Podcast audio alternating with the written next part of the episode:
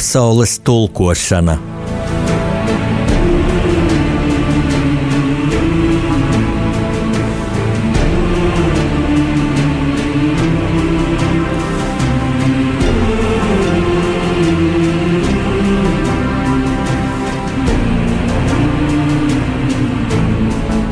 Studijā rakstnieks Jānis Udris.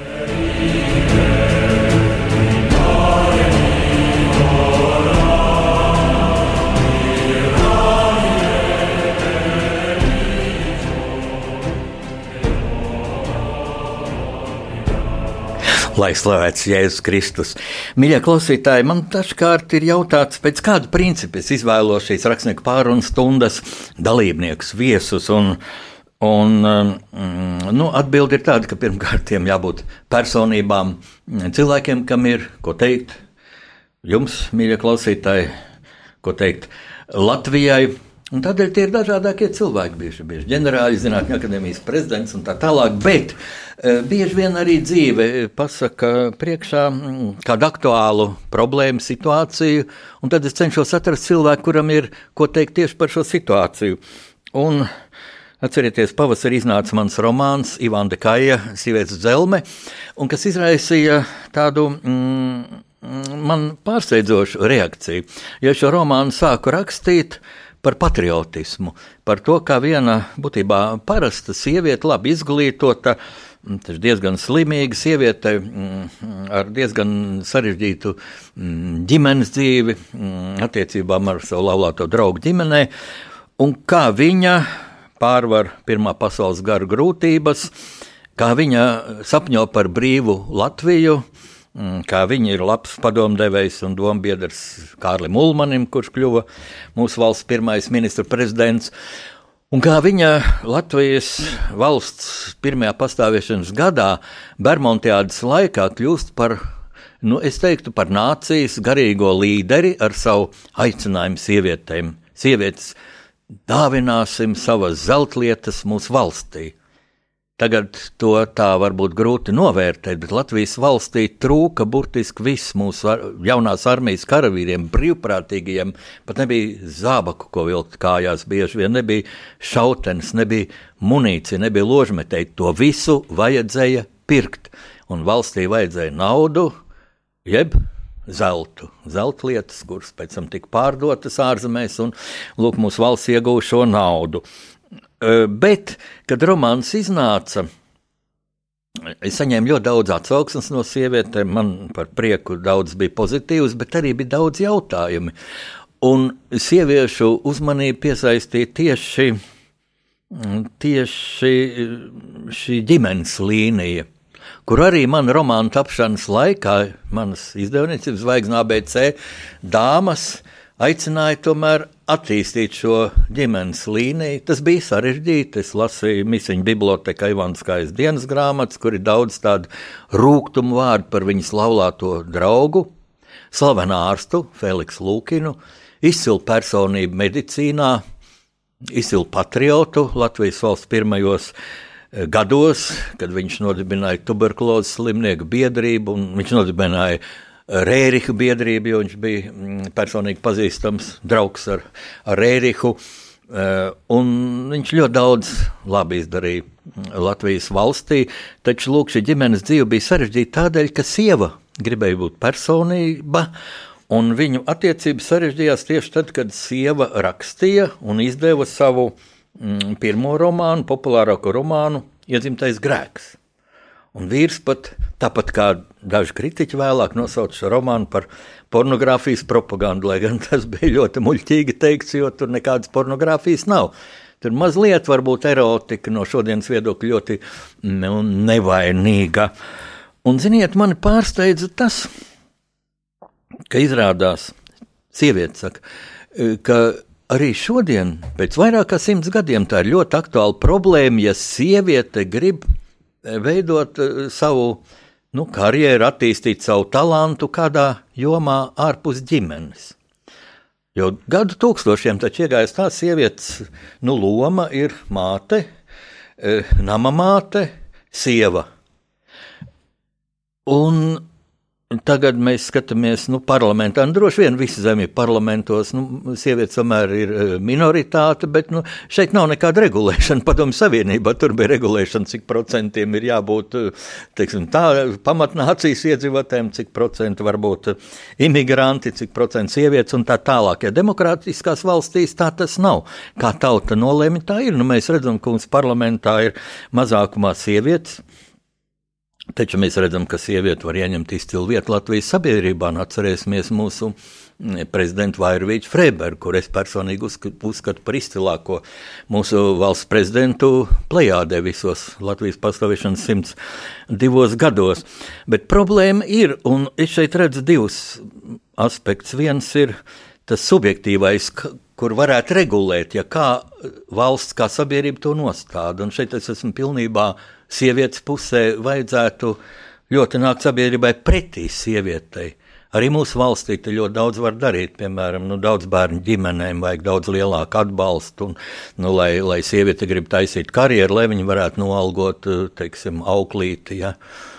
Mans mazmeitiņas kādreiz, nu, tagad man bērni strādā Luksemburgā, Eiropas tiesā, un, un, Un mans mazmeitiņas, viņa nedzīvo slikti, vecāka labi pelna, bet meitenītes gāja pelnīt savu naudu par tā saucamo babysiteri. Ja? Viņa studente, studija gados, viņa sēdēja pie savas, starp citu, augstskolas pasniedzēja mājā, pieskat bērniņus, bērns skatās multens televizorā un, un, un Meldra nu, mācījās, lasīja konspektus. Lūk, kā šīs lietas risināt, tas subjektīvais moments, ko varētu, kur valdībai vajadzētu nākt pretī, kur visai sabiedrībai vajadzētu atbalstīt, un, protams, vīram, ja kas ir tas tuvākais cilvēks, vajadzētu atbalstīt sievas centienus. Nīvāns kājas gadījumā tas tā, diemžēl, nebija. Bet tā bija cita sabiedrība. Latvija pat nebija sava valsts, ja? tā bija cariskā Krievija, kurā viņi dzīvoja. Nu, bet ir objektīvais moments, ka vīrietis, lai cik viņš būtu ideāls un kā viņš censtos, viņš nedzemdēs bērnus. Ja. Amerikāņiem bija tāda komēdija, viena, ja, kur vīrietis saka, bija stāvokli un dzemdēs bērnu. Man viņu faktiski izsauca, nu, druskuļi tādu nepatika. Ja. Es domāju, tā bija bezgaumīga komēdija. Um, Un, un, un man, cik es tā saprotu, un dzīvē esmu vērojis, ka arī mazais bērniņš, kamēr viņš bija bērns, viņš jau tiecās pie tās mammas, tomēr, jo tas jau no dabas ieliks, tas, tas īstais mīlums ir no mammas. Ja? Un tā, nu, tā ir problēma, ka mēs, man nav gatava recepte, ko pateikt. Es sapratu, ka vīrietim arī ne, būtu muļķīgi censties pateikt kaut kādu gala vārdu šeit. Es domāju, šeit ir jārunā sievietēm. Un, lūk, tas noteica manu mm, izvēli uzaicināt šodien uh, uz studiju mm, ļoti simpātisku sievieti, jaunu dāmu. Tā ir Baiba Niedre, automēre, bioloģijas zinātņu doktore. Bioloģijas zinātņu doktore, ļoti jauna e, dāma un četru bērnu māmiņa. Un kā, kā to ir iespējams savienot? Ja? Nu, es teikšu, es tā īsti nesaprotu. Tā vietā es vienkārši lieku apbrīnu. Es apbrīnoju šo sievieti, un tagad arī interesi gribētu noklausīties, ko Baiba mums pastāstīs, kā tas nāca Baiba. Un vispār tomēr tik, nu, zinātņu doktors, tas tā to tik viegli nedod šo grādu. Kā tas nāca? Ja? Nu, un, ja drīkst prasīt, tas gan esot nepieklājīgi, kurā gadā tu esi dzimusi. Man tāda sajūta, ka brīvā Latvijā jau. Es esmu dzimusi 1979. gadā, un eh, man, man bija desmit gadi, kad eh, Latvijā sākās pārmaiņas. Un um, savā izglītošanās gaitā es esmu izbaudījusi visus tos labumus, ko var dot uh, brīva Latvija, brīva valsts. Jau 1995. gadā, kad es mācījos 10. Uh, klasē, es ieguvu Soros fonda stipendiju mācībām Anglijā, un uh, tur mācījos vidusskolā un pabeidzu Anglijā vidusskolu.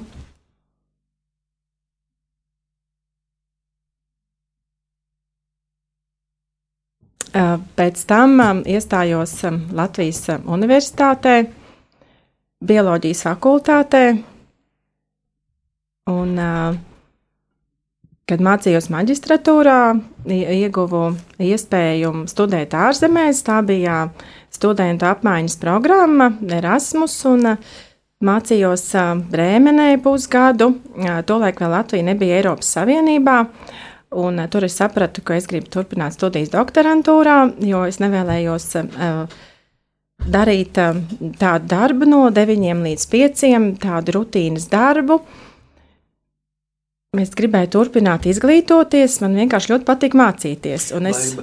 Es, es ļoti atvainojos, negribu pārtraukt, bet uh, ir tāds viedoklis, ka, nu, lai mācītos ārzemēs, ir jābūt bagātam. Un tas ir bagāto, tā ir bagāto cilvēku privilēģija. Nu, tu biji jauna, tu biji desmitā klasē mācoties, tu biji, tu biji vēl nepilngadīga, e, tev bija bagāti vecāki, un vai daudz vajadzēja viņiem maksāt par tavām mācībām? Kā tas bija? Jā, jā, un tev taisnība. Tā skola, kur es Anglijā mācījos, tur mācības gadā maksāja apmēram 12,000 mārciņas. Un kur tu viņas ņēmi? Tā bija izcila, izcila privāta skola skola. Es ieguvu, man bija ļoti labas angļu valodas zināšanas, jo es mācījos. Tolaik Rīgas 50. vidusskolā, kas tagad ir Rīgas centra humanitārā vidusskola.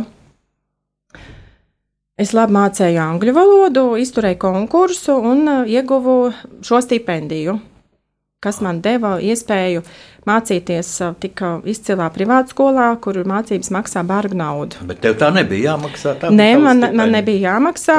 Es, galvu, es, es jā? nopelnīju ar um, savām angļu valodas zināšanām, nu, malacis, ar centību. Jā. Un tālāk arī līdzīgi gāja? Tālāk gāja līdzīgi, jā. Um, man ļoti labi gāja arī universitātē, jo Anglijā es um, specializējos. Um, Jau bioloģijā, ķīmijā, Anglijas izglītības sistēmā ir tāda specifika, ka vidusskolā mācās eh, vai nu trīs, četrus, eh, kurš var augstākais piecus priekšmetus, parasti ir trīs, un no katra šī priekšmeta ir pa divām stundām dienā. Un es jau specializējos eh, bioloģijā, ķīmijā, un man pirmajos kursos bioloģijas fakultātē gāja ļoti labi, jo man bija ielikts ļoti labs pamats Anglijā. Un, Man bija labas sekmes, un es turpināju studijas maģistrantūrā, mikrobioloģijas katedrā. Un, um, un um, uh, ie, iegūt iespēju piedalīties šajā Erasmus programmā arī nemaz nebija grūti. Nebija liels konkurss. Nē, nē tur uh, bija jā, jāaiziet pieteikties uz uh, universitātes ārzemju daļu, un, uh, un tieši tik vienkārši konkurss tur eh, no mūsu fakultātes tajā brīdī pat nemaz nebija liels. Mm -hmm. Tā kā tu pārstāvi Latviju, ja, un tad vairāk tur starptautiski nebija jau konkurence, kad tev, teiksim, izkonkurē kāds kādas, nē, nē, zviedrs, nē, bija zviedrs. svarīgi, jā, ka no Latvijas mēs šogad ņēmām tik, no citas valsts Aha. iespējams tik uz Brēmenes universitāti, un mēs bijām divas no bioloģijas fakultātes tajā gadā ar uh, savu kursu biedreni, kas tagad ir mans uh, meitiņas krusmāte. Tā mēs tur divi tādi no bioloģijas fakultātes aizbraucām. Es tā klausos, ka ko tur vajag, nu, protams, labas zināšanas, bet arī drošu dušu, pašapziņu. Ja? Jā, vajag uh, drosmi, nebaidīties, uzrīkstēties. Um. Un tālākais ceļš, kā, kā līdz doktora, doktorei. Brēmenē esot, uh, es praktizējos Virusloģijas institūtā. Tur es sapratu, ka es gribu tālāk turpināt strādāt zinātnē, es negribu iet uz, negribu iet uz darbu. es negribēju strādāt tādu darbu no 9 līdz 5. Tādu varbūt vienveidīgu, un eh, es gribēju turpināt, tālāk izzināt, uzzināt, rakstīt un pētīt. Bet Es tā jūtu, ja to chronoloģiju klausoties, ka kurā brīdī tad eh, nāca šī iepazīšanās ar tavu tagadējo vīru, kurš ir um, advokāts, jā, var teikt, ļoti simpātisks cilvēks, arī ļoti jauns izskatās. Es jūs sastapu Mazirbē, Mazirbas Lutāņu draudzes namā, kur es stāstīju par savu romānu Ivānu Kāja, sievieti Zelmē, Un bija ļoti interesanti jautājumi no tevis, no tava vīra. Pēc tam mēs braucām uz vienu māju, klausīties saksofonu mūziku, ko viens mans kaimiņš tur sīkākā spēlēja. Un izrādās, ka arī tu esi mācījies vēl saksofonu spēlēt. Kad nāca tā iepazīšanās, vai varam to sapludināt ar tavu zinātnes ceļu? Un kā tas bija? Vai uzreiz tā zinātnē bija jāpārtrauc, vai tieši otrādi tas iedeva spārnus, ja, kad bija mīlestība, kad bija precēšanās? Mans vīrs Mārtiņš man ir bijis līdzās eh, visu studiju gadus, jo mēs abi iepazināmies eh, būdami pirmo otro kursu studenti Es biju iestājusies studentu korporācijā Gundega, un Mārtiņš bija iestājies studentu korporācijā Latvijā. Un um, vienā skaistā pavasarī abas korporācijas nolēma kopā rīkot uh, deju stundas.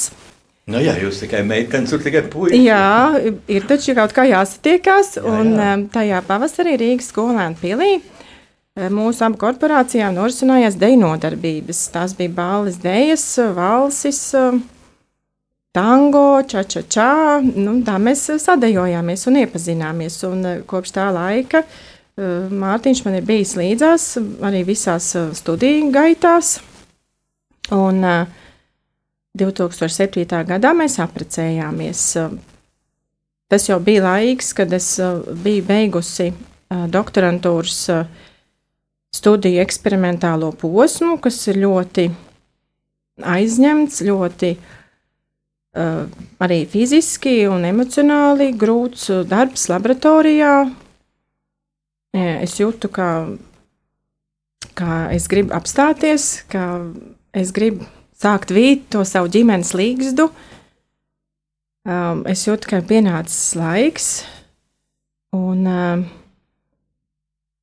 un piedzima pirmais bērniņš. Tas bija tā interesanti arī ievijās tāds uh, no manas zinātnes pasaules tāds interesants aspekts, kā tāds profesors, uh, Viesturs Baumanis, jau tagad viņš saulē, bet uh, es viņam biju ļoti mīļš studenti, jo man ļoti labi gāja viņa bioķīmijā, par kur daudz man kursa biedri bija šausmās par viņa formulām, kas sākās tāfēls vienā pusē un vēl otrā galā nevarēja beigties. Tu tā, tā viegli uztvēri tās. Jā, jo man bija ļoti labs pamats ielikts, un es pat vēl savai labai draudzenei, arī doktorai un arī četru bērnu mātei palīdzēju uh, tikt galā ar uh, bioķīmijas zināšanām, palīdzēju sagatavoties eksāmenam. Nu, lūk, profesors Iesturs Baumans man tajā brīdī, kad man bija piedzimis bērniņš, uh, vai ka es biju stāvoklī jau, un um, Viņam vaicāja par doktorantūras lietām šo to, un viņš man atbildēja tādā e-pasta vēstulē. Nu, tā kā jūs, tā vēl neviens nav atļāvies. Proti, ko atļāvies? Nu, es es sapratu, par bērnu, kad jā, tā ir zinātne. Jā, jā, Aha, es nu, sapratu, ka zinātnes, kā saka, līdz pat kaulu smadzenēm, jā. Jā. Bet tam vīrietis. Nu, tas tāds aspekts ienāca uzreiz. Vīrietis jā, ienāca lai manā. Cik viņš tai, labs zinātnieks, bet tai, nevienmēr saprot sievieti, jā. Jā, tā ir ģimenes. Nu, laikam šis gadījums dzīvē. to parāda, jā. Un, um, nu, ko sieviete nu, un šī brīdī, brīdī, kad man uh, dzim bērniņš, man. Uh, ļoti paveicās ar visiem bērniem, visiem trim, kas man nāca līdz uh, disertācijas aizstāvēšanai.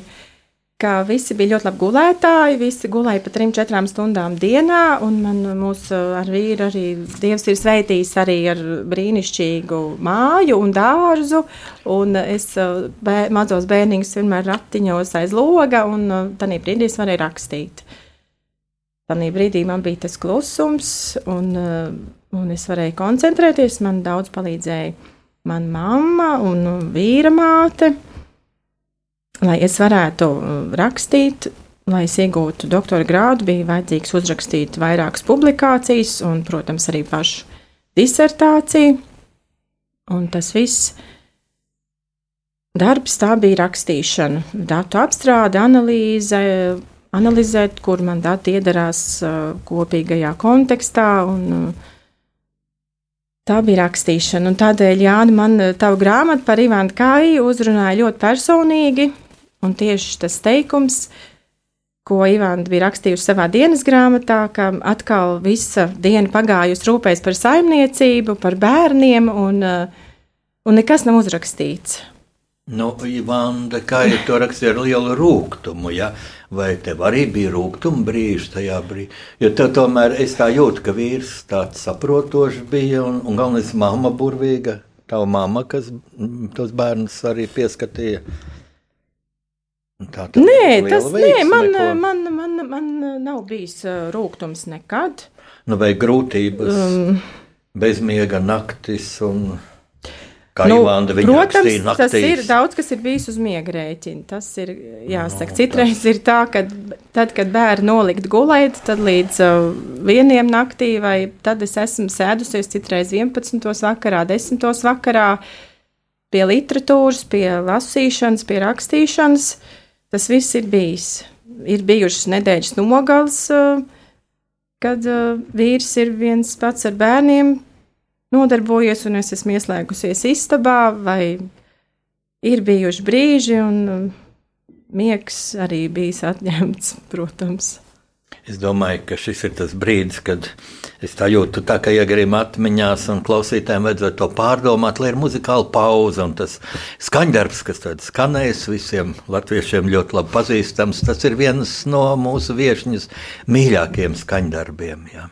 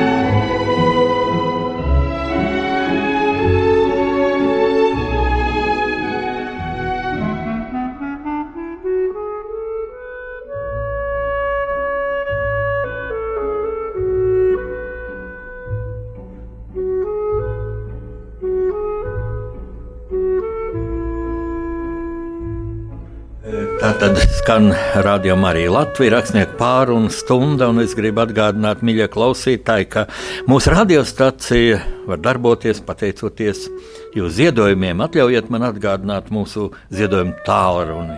Un tālruņa numurs ir 900 67 69.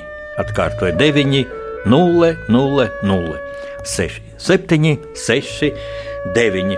Un rakstnieku pārunas, pārunas stundas viesņa šodien ir e, zinātņu doktore Baiva Niedre Otomēre. Jauna simpātiska dāma, un mēs tikām līdz doktora disertācijas aizstāvēšanai. Ja no sirsniņa drebēja, ja es tā varu iedomāties, un bezmiega naktis varbūt pirms tam. Lai gan bioloģijā tur jau laikam ir tā, ka nu, galvenais tās iestrādes nav vairs, ka tu varētu kaut ko izkrist vai tā. Nu, bet ko, ko teiks tie oponenti un tā, kādam kaut kas var likties, tā teikt, ka nav īsti zinātniski augstā līmenī. Kā tas bija? Tas bija ļoti uztraucoši, lai arī, kā tu Jāni teici, viss bija sagatavots un iespējas uh, izkrist nebija. Bet uh, es biju ļoti uztraukusies. Tas bija viens no maniem dzīves mirkļiem, viss uh. Viens no, es tā domāju, jā. Tas bija tā, man bija jaunākajam to brīdi dēliņam bija gadiņš, un uh, tā bija tāda mājas, mājas ikdienas padarīšana pirms tam.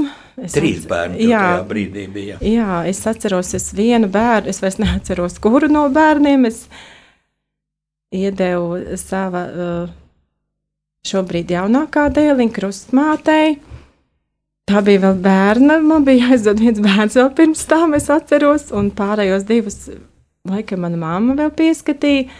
Tur bija jāno, jānokārto viss mājas dzīve, pirms es varēju doties uz savu disertācijas aizstāvēšanu. Nu, es tā saprotu, ka jauna zinātņu doktori spoža karjerā, ja pavērs nu, tikai uz priekšu pa zinātnes ceļu. Un pēkšņi tā kā stop, ja tādu lēmumu tu pati pieņēmi, varbūt vīrs teica, viss punkts, ja. Nu, pasaka tā, tā kā draugiem. Lēmumu pieņēmu es pati, jo mans vīrs ir zvērināts advokāts, jurists, un um, vīrs daudz strādā, un um, arī viņam ļoti plašs interešu lokus. Viņam arī dažādi projekti nāca ik pāris gadu jauni, arī ar tieši ar juridisko sfēru nesaistīti. Ar katru no šiem viņš ļoti aizrāvās, un tās, protams, ilgas darba stundas. Uh, es sapratu, ka es gribu būt ar saviem bērniem, ka es gribu pati ar viņiem darboties, pati gatavot savai ģimenei, jo man liekas, ka ēdienas tā ir ļoti liela enerģija. Man arī ļoti patīk to visu darīt. Man patīk mana mājas dzīve, un man patika auklēt bērnus. Es visu darīju ar ļoti lielu atdevi, ar sirsnību, ar lielu mīlestību uz, uz bērniem, uz ģimeni, uz vīru. Un, um, es tam veltījos tam. Es varu teikt, ka es ziedojos, veltījos, bet man pašai arī bija liels prieks to darīt un dot, dot, dot bērniem un vīram un ģimenei. Kad es tā klausos un, un vēroju tavu seju, ja, kad tu runā, kas klausītājiem nav iespējams, bet es mēģināšu klausītājiem to transformēt, ka tu runāji tiešām tādu tā mīlestību uz ģimenes bērniem, tā bija redzama tev sejā, un es domāju, tas ir ļoti mm, organiski, ļoti dabiski, ka sieviete runājot par bērniem, par savu ģimeni, kad ir tāda seja ar tādu acu mirdzumu to runā. Nu, zinātne, Es no bioloģijas neko nesaprotu, gandrīz neko, bet uh, es esmu pārliecināts, ka ļoti sarežģīta, ļoti perspektīva zinātnes nozare. Vai tu tādu pašu mīlestību jūti pret šo zinātni? Vai, Vai arī tas bija vairāk prāta interese, kas tur zinātnē aiz tā pagrieziena, aiz tām garajām formulām, kas jau iet pāri pa tāfeles malu, ja varbūt vēl kaut ko jaunu pateiks klāt, varbūt dabūs Nobel prēmiju 60 gadu vecumā. Es tā domāju, tas vairāk ar prātu, vai arī es kļūdos. Tā ģimene, bērni, nu, tas ir sirdī ielikts, sirdī un dvēselē. Bet eh, zinātne, vai tas tomēr ar prātu, vai teikt, nu, es tā mīlu to zinātni, ka es vairāk nevaru, un tad atstāt visu ģimeni, eh, nu, gan jau kaut kā. Nu, tu saproti, ka es jā, gribēju jautāt. Paldies, jā, paldies, jā tiešām. Varbūt sieviete ir drausmīga izvēle, vīrieti tim tā nebūtu. Ja, jo bērns, bērns māmiņa audzinās, un tā tas ir bijis un, un būs, un laikam tā arī vajag. Es nezinu, es savādāk nevaru iedomāties. Paldies, Jāni. Jā. Es teiktu, ka jā, ka tā bija dedzība, liela dedzība un um, liela aizrautība. Jo es, esmu, es biju ļoti azartiska, ļoti mērķiecīga. Tajā zinātnē. Jā, bija liela aizrautība un uh, centība. Un, uh, jebko, ko es darīju, es uh, izdarīju, es atdevu no sevis. Uh, Līdz pēdējiem spēkiem vienmēr. Vai tas būtu ģimenē, vai tas bija zinātnē. Man tas raksturā, ka es, es nevaru darīt pa pusēji. Nu tā, kaut kā, nu, gan jau, gan jau būs labi, nu, gan jau tur nepamanīs, ka tur var būt. Es esmu pedantiski. Es esmu pedantiski ļoti. Jā, un pienākumu cilvēks. Jā, un arī savo, savā darbā. Līdz ģimenes nodibināšanai, savā zinātniskajā darbā, es biju ļoti pedantiska, ļoti uh, centīga. Un, uh, man vajadzēja, lai viss ir tā, kā man vajag, tā kā, kā es esmu apmierināta. Tādēļ es domāju, ka es pieņēmu šo lēmumu veltīt visu savu laiku tajā brīdī ģimenei un bērniem, jo es sapratu, ka es nevarēšu ar tādu dedzību darīt darbu zinātnē, un uh, ka man nepietiks, uh, nepietiks um, enerģijas mājām, bērniem, vīram. Man šķita, ka es nevarēšu abās jomās ar vienlīdzīgu dedzību iet. Un tad tu tātad zinātni tā kā paliki malā vai pa vi uz visiem laikiem atteicies no tās. Mēs tā jūtam, diez vai tu uz visiem laikiem atteicies, jo tu vēl esi jauna, laika dažādi var būt. Vai arī tas ir sveiki? Nu, šobrīd es esmu tādā, tādās noskaņās, ka šobrīd uh, man viss ir ļoti interesanti, kas notiek uh, pasaulē, jo Virusoloģija ir mana joma, un šobrīd es lasu kādus jaunākos pētījumus par aktuālā koronavīrusu, un, protams, man, man sirds, man deg, un viena mana daļa saka, jā, es arī varēju tādā pētījumā piedalīties, es arī varēju būt raksta autors, Jo lasot to, man ir skaidrs, ar kādām metodēm tas ir darīts, un es jau savām garām acīm redzu, jā, man viss skaidrs. Bet uh, otra man puse atkal saka, paga, paga, vēl ne, vēl, vēl nevar, ka es saprotu, ka man ir uh, četri bērni, kuriem es vēlos dot, kur jaunākiem šobrīd trīs gadiņi. Un es vēlos būt viņam blakus un uh, vēlos dot viņam savu mammas mīlestību un savu ielikt, uh, kas man ir dots, dot viņiem tālāk. Un, tā kā es dzīvoju tādās divējādās vilkmēs šobrīd. Jā, bet tava dvēsele, kur jūtas labāk? Tomēr laikam jau ar tiem bērniem. Nekā tu būtu laboratorijā, varbūt tu būtu laboratorijas vadītāja jau šobrīd. Ja? Droši vien zinātņu doktori, un tev būtu cilvēki, kas veic šos eksperimentus.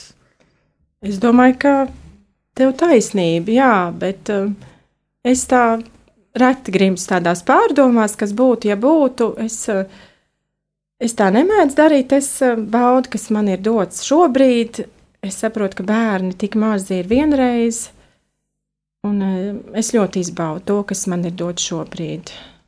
Baiba, eh, eh, es mazliet gribu atkāpties no šīs ļoti dziļās, ļoti dziļās problēmas, ģimene un zinātne, ja, jo es jūtu, tikko izrunāju vārdu koronavīrus, tā klausītāji visi saspringa beidzot.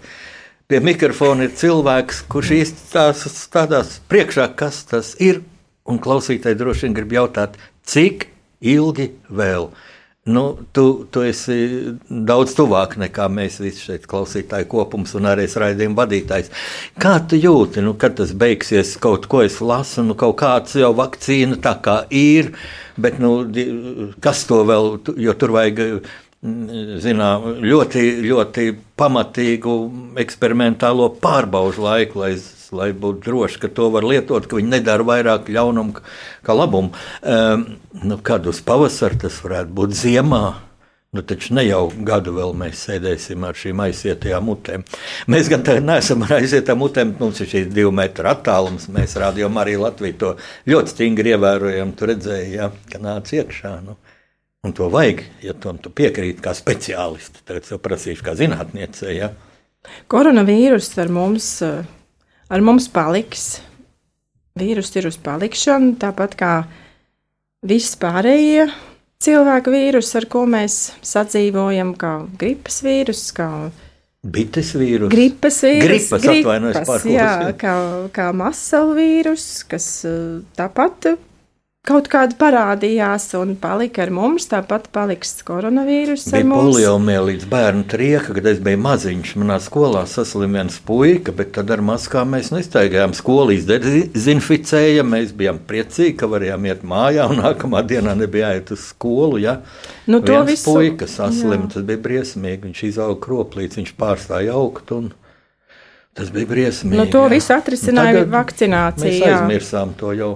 Jā, to visu atrisināja vakcinācija, un eh, šobrīd tiek liktas lielas cerības uz vakcīnām, un es domāju, ka tās ir pamatotas. Un, eh, es domāju, pienāks brīdis, kad eh, arī mums būs pieejama vakcīna, un tas ir vienīgais risinājums. Vēl, vēl strādā, strādā daudz zinātniskās grupas, strādā pie pretvīrusu preparātu pētījumiem, kas tieši mērķēti pret uh, koronavīrusa dzīves ciklu šūnā, lai apstādinātu vīrusa vai nu piesaistīšanos šūnai, vai nu um, vairošanos vai iziešanu no šūnas. Arī šis virziens uh, tiek attīstīts šobrīd. Mēs varam cerēt, ka šī zima dos šo atrisinājumu, šo īsto vakcīnu. Tas, kas šobrīd parādās, tas ir ļoti cerīgi. Mēs varam cerēt. Nu, tad ar šo cerību iesim nākamajā muzikālajā pauzē. Atkal skaņdarbs, kuru ļoti mīl Baiba Niedre Otomēra.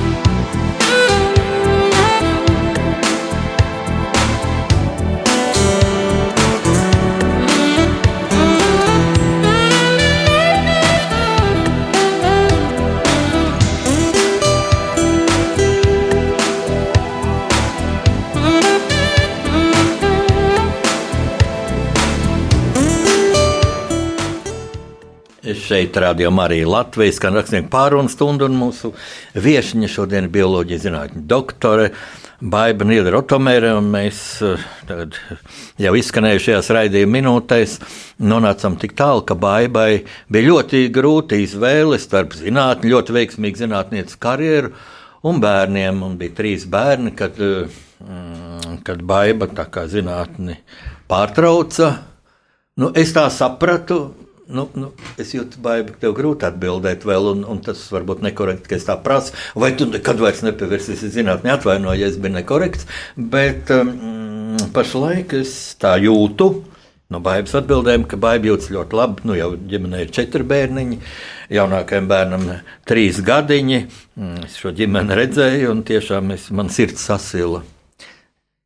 Jūs sastopot un pāris stundas pavadot ar jums visiem sešiem, jā, to ar savu brīnišķīgo vīru, juristu, advokātu un četriem bērniņiem, mazirbes draudzes eh, mācītāju mūžā kur es stāstīju par savu romānu, Ibāna Kaja, sievietes dzelme.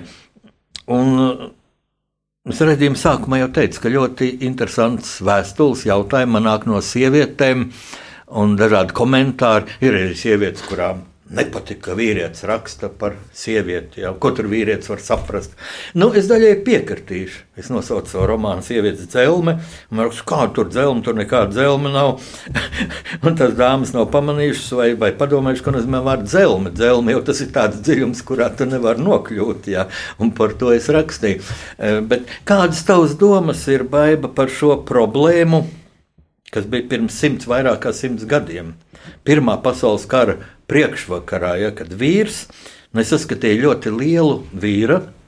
Pilns personības, izcils Feliks Lukina. Tomēr tāda greizsirdība, kāpēc arī sieva grib būt personība. Nu, otrs, ka viņa ļoti, mm, ļoti uzskatām, ļoti tieši vērsās pret šo vīrieša psiholoģisko monopolu, es teiktu. Ja? Uh, Viņi prasīja sievietes vienlīdzību, pie tam nevis ekonomisko, jo pirms tam jau tur bija citas sievietes ar aspāzi un tādu, bet viņi tieši, es teiktu, morālā plāksnē, ka sieviete, tāpat kā vīrietis, var izvēlēties cilvēku, kuru mīlēt, ar kuru dzīvot kopā. E, vēlāk, kad Ivāna Kaja e, mēģināja tā, nu, neveiksmīgi mēģināja iet politikā, iekļūt parlamentā, e, tad viņa sieviešu sarakstam viens no tiem punktiem bija arī prasīt, lai laulība tiek šķirta, ja viens tikai pieprasa. Nu, Protams, sieva. Ja? Ja vīrs jau neprecīzi, vīrs varēja krāpt sievu, varēja, varēja izturēties kaut kā nežēlīgi pret sievu, bet, bet viņš bija apmierināts, jau viņam bija kaut kāda paralēlā dzīve. Nu, sieviete nē. Ja sievi, nu, vīrs neiesniegs to prasību, sieviete iesniedz noraidi. Nē, vīrs nepiekrīt. Lūk, mm, cik tas ir aktuāli šodien? Tev Mm, es nekļūdīšos, ja teikšu, ka ļoti veiksmīga ģimenes dzīve. Tavs vīrs, ir arī, o, viņš ir lībijams, un viņš ir lībiešu vai līvu. Viņi tur paši diskutē, teiksim, līvu kustības aktīvists un pazīstams šis automērs. Ja, tas uzvārds pat laikam, tavs otrs uzvārds nāk no mēra, ir, ir jūra, ja līvu valodā. Vis, visa cieņa jau, un es viņu apsveicu ar tik brīnišķīgu sievu. Bet lūk, no sievietes viedokļa, cik šī problēma šodien ir aktuāla. Ja man raksta, cik sievietes, cik labi, ka jūs, cienījami rakstnieki, pacēlāt šo problēmu, tā ir aktuāla arī šodien. Kaut manā romānā nu, tāda uh, autora izdoma, kad Ivanda Kaja man prasa pāri laikam, nu vai šodien sievietes ir laimīgas. Un es saku, nu es nezinu, lai uh, lasītājs spriež, bet ja gandrīz puse no visām laulībām tiek šķirtas, tad tad nu, diez vai ir laimīgs, jo to rāda statistika. Un, un, un, un, sievietes tiesības, nu, es īsti vairs nesaprotu, kā tas ir, jo Man sievietes ir apgalvojušas, jā, ka kopumā sieviešu darbs mazāk atalgots, tā tā īsti nestādos priekšā. Nu, piemēram, saimā deputātas, ja taču nevienai sievietei deputātei nav mazāk alga kā vīriešiem, un tās ir, teiktu, pietiekami liels un vēl tiek paaugstināts tagad, vai, teiksim, ministriem, sievietēm, tur viņķelē un kas vēl ir, jā. Bet es zinu gadījums, kad diskriminē, jā. Kad sieviete diskriminē, man kāda jauna Ļoti skaista sieviete, kur Miss Latvijas konkursā dabūjusi kādu foto balvu, kaut ko. Viņa strādāja vienā Zviedru firmas filiālē Latvijā. Tas bija vēl 90. gados. Un to filiāli vadīja Zviedrs. Un tagad firma iestrādājusies tā filiāli. Un uh, Stokholmā nolēma, ka tagad lai viens latviečs vada no tiem darbiniekiem. Ja Zviedri atsauks, nu, un atbrauc pats prezidents firmas un skatīsies. Un bija divi kandidāti šī meitene un puisis nu, no tiem vadošajiem. Un izvēlējās puisi, kaut viņš īsāku laiku strādāja, viņa CV bija drusku švakāks. Un tā meitene, viņa enerģiska, viņa iet pie tā prezidents, viņa saka, kas paliet klausies, kāpēc tā, kādi man trūkumi nosauc. Un zin, viņš teica, tu esi smuka. un tad es biju mēms. Un viņi saka, viņi bieži viņi iet pa dzīvi, Un bieži tā meklē darbu un iesniedz CV, un tad, kad uz interviju, nu, tur tāda smukulīte, tad mēs ņemsim citu, ja labāk kādu puisi. Vai toreiz saskārusies ar to, nu, zinātnē, laikam ir savādāk, ja tā bija biznesa firma, ja jau toreiz ir, nu, skaista sieviete, jauna. Eh, bet tā ir diskriminācija, un tas ir nožēlojami, ja tāda ir vīriešu attieksme. Es varu tikai atvainoties, kaut nesmu vainīgs, ja neesmu tā darījis, bet nu, vīrieši var būt kāda atbildības daļa. Es piekrītu, ka šī problēma ir aktuāla arī pēc simts gadiem, lai arī Latvija ir ļoti demokrātiski attiecībā uz sievietēm jau kopš dibināšanas. Sievietēm taču bija vēlēšana tiesības ievēlēt satversmes sapulci. Man ļoti patīk, ka mūsu uh, satversmē nav tāds punkts sievietēm vēlēšana tiesības, jo tas pats par sevi saprotams, ka visiem pilsoņiem no pilngadības vecuma sasniegšanas. Jā, un uh, Es uzskatu, ka ik viena sieviete, kurai ir bērni un eh, kurai ir darbs, eh, saskarās mm, nemitīgi vai nu ar kādu izdegšanu kādā brīdī, jo es arī esmu dzirdējusi no bērnu mamām, eju gulēt pēdējā ceļos pirmā. Un es domāju, ka šīs problēmas eh, lielums ir atkarīgs no no vīrieša, kas sievietei ir blakus, vai tā šajā ģimenē, vai tā sievietei tā, tā top par problēmu, vai, vai tā viņai, vai tā situācija viņai nav sarežģīta. Tas ir atkarīgs no vīrieša, kā, kā tas tiek nostādīts ģimenē un kā tiek sadalīti sadzīves pienākumi. Un, ja sieviete ir ģimene, tad es uzskatu, ka, ka lielā mērā tas vai varēs tikt īstenots viņas vēlmes pacelties virs tiem kastroļiem un virs bērnu kopšanas, vai tās vēlmes varēs viņu īstenot, ka tas ir atkarīgs no vīrieša. Tā kā ģimenes uh, situācijā esot, sieviete tomēr uh, ir atkarīga no vīrieša, kas viņai ir blakus, no, no viņa palīdzības, no viņa līdzestības. Tā kā es ar, ar visu savu sirdi un savu pieredzi varu teikt, Jāni, ka, tā, ka tas ir aktuāls. Tā varbūt nav problēma, bet tas ir aktuāls jautājums arī pēc simts gadiem. Man nāk prātā mm, šeit šī Bībeles mm, līdzība ar Martu Mariju, ar šīm abām māsām. Un kad uh, Jēzus aizgāja pie viņām, nu, Marta bija šī brīnišķīgā saimniece, ja, un kas it kā tūkstošiem gadus ir ielikās bijusi jau cauri vēsturē šī sieva, šī, šī māte, šī nama māte, šī ēdienu gatavotāja un tā tālāk. Nu, kā arī varbūt jau pirmajā kopienā tā pavārda kopēja, kas to uguni tur.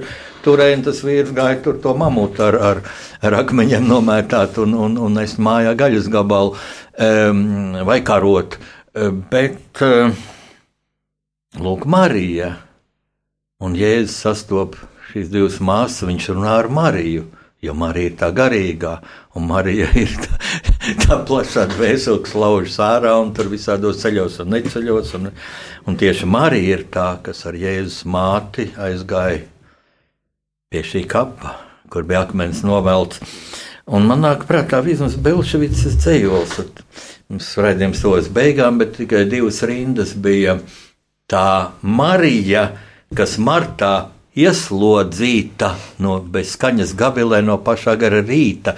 Un tur ir kā Vizma Belšvica, gudra sieviete ar, ar vairākiem dēliem. Traģiski, traģiski stāsts, ja viņas dēlu noslapkavoja okupācijas režīms.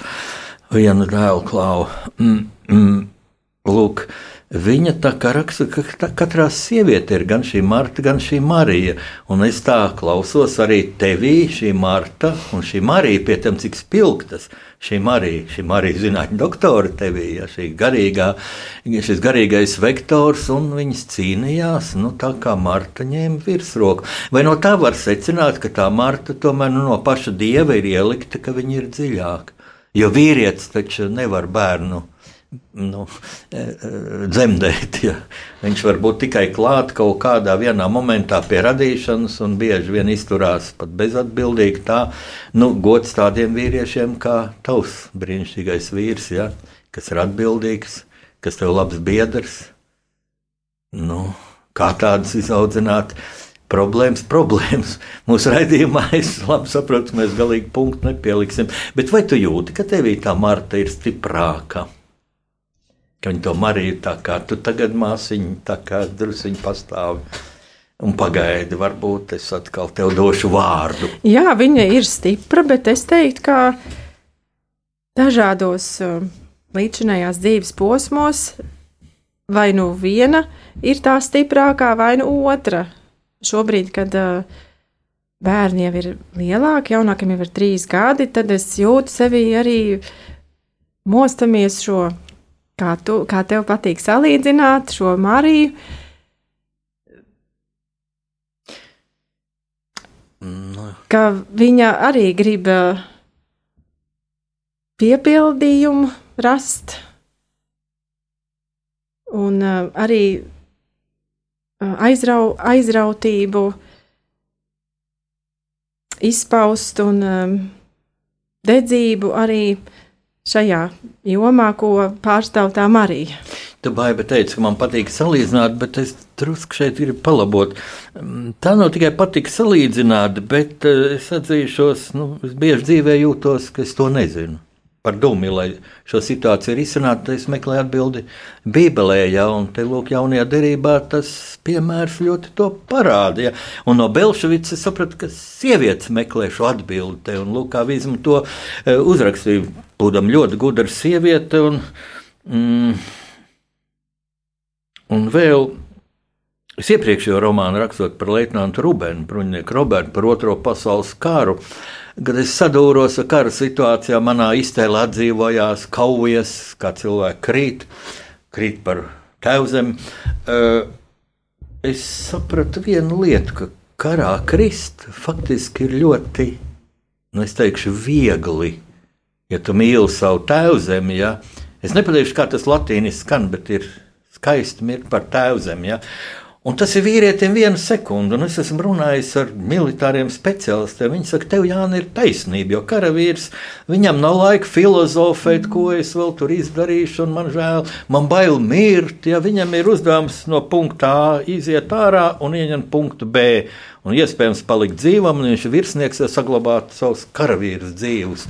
Un, Un viss, bet sievietei ir jāizvada šo karavīru, šo vīru vai dēlu vai tēvu karā Trīcot, jāgaida vēstules no kara lauka pasta, jāsaņem sēra ziņa, jāiet kopt kapu, un ir varbūt tā, ka gribas nu, nonāvēties. Kā Mērovics sieva Kristīna nošāvās trīs mēnešus pēc zigitiņa nāves, kā viņa teica. Viņa nošāvās, bet ir jādzīvo. Sieviete jādzīvo, un tā kā laikam no paša dieva ir uzla, uzlikts tas smagākais sievietei. Vai ir pareizi teikt, ka vīrietis ir stiprais dzimums?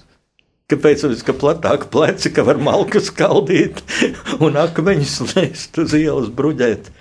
Nu, sievietē jāiztur daudz kas, jā. Karā ir bijis jāiztur daudz kas, um, izsūtījumā bijis jāiztur daudz kas. Es nevarētu iedomāties, kā, kā tas ir, ka bērniņš piedzimst um, kādā Sibīrijas lēģerī par to es varu tikai. Pa, uz to arī var skatīties ar, ar milzīgu, ar milzīgu, es pat nezinu, vai abrīna ir īstais vārds, bet ar milzīgu, ar cieņu par, par šo sievieti, un sievietei ir bijis jāiztur daudz, kas, nu, tas man šķiet, jā, tā nonivelēts, tā dalīšana stiprajā, vājajā dzimumā, bet, nu, jebkurā gadījumā sievietei ir um, dots izturēt daudz ko. Ja mm, kāda lasītāja. Tu esi mana romāna, jaunā romāna lasītāja, izlasītāja.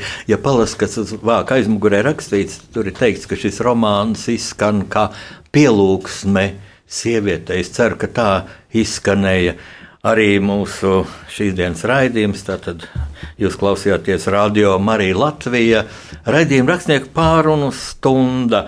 Un, Jānis Udrs un mana viesņa bija e, bioloģijas zinātņu doktore, galvenais četru, četru bērnu māmiņa, Baiba Niedre, Otomere. Baiba, no viss sirds es tev pateicos.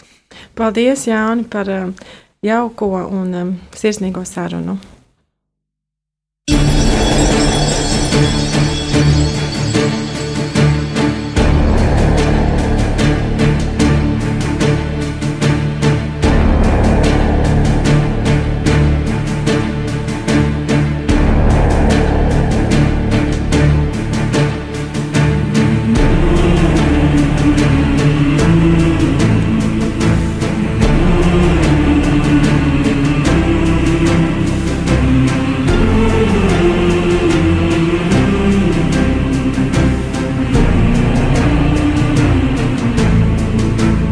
Pasaules tulkošana.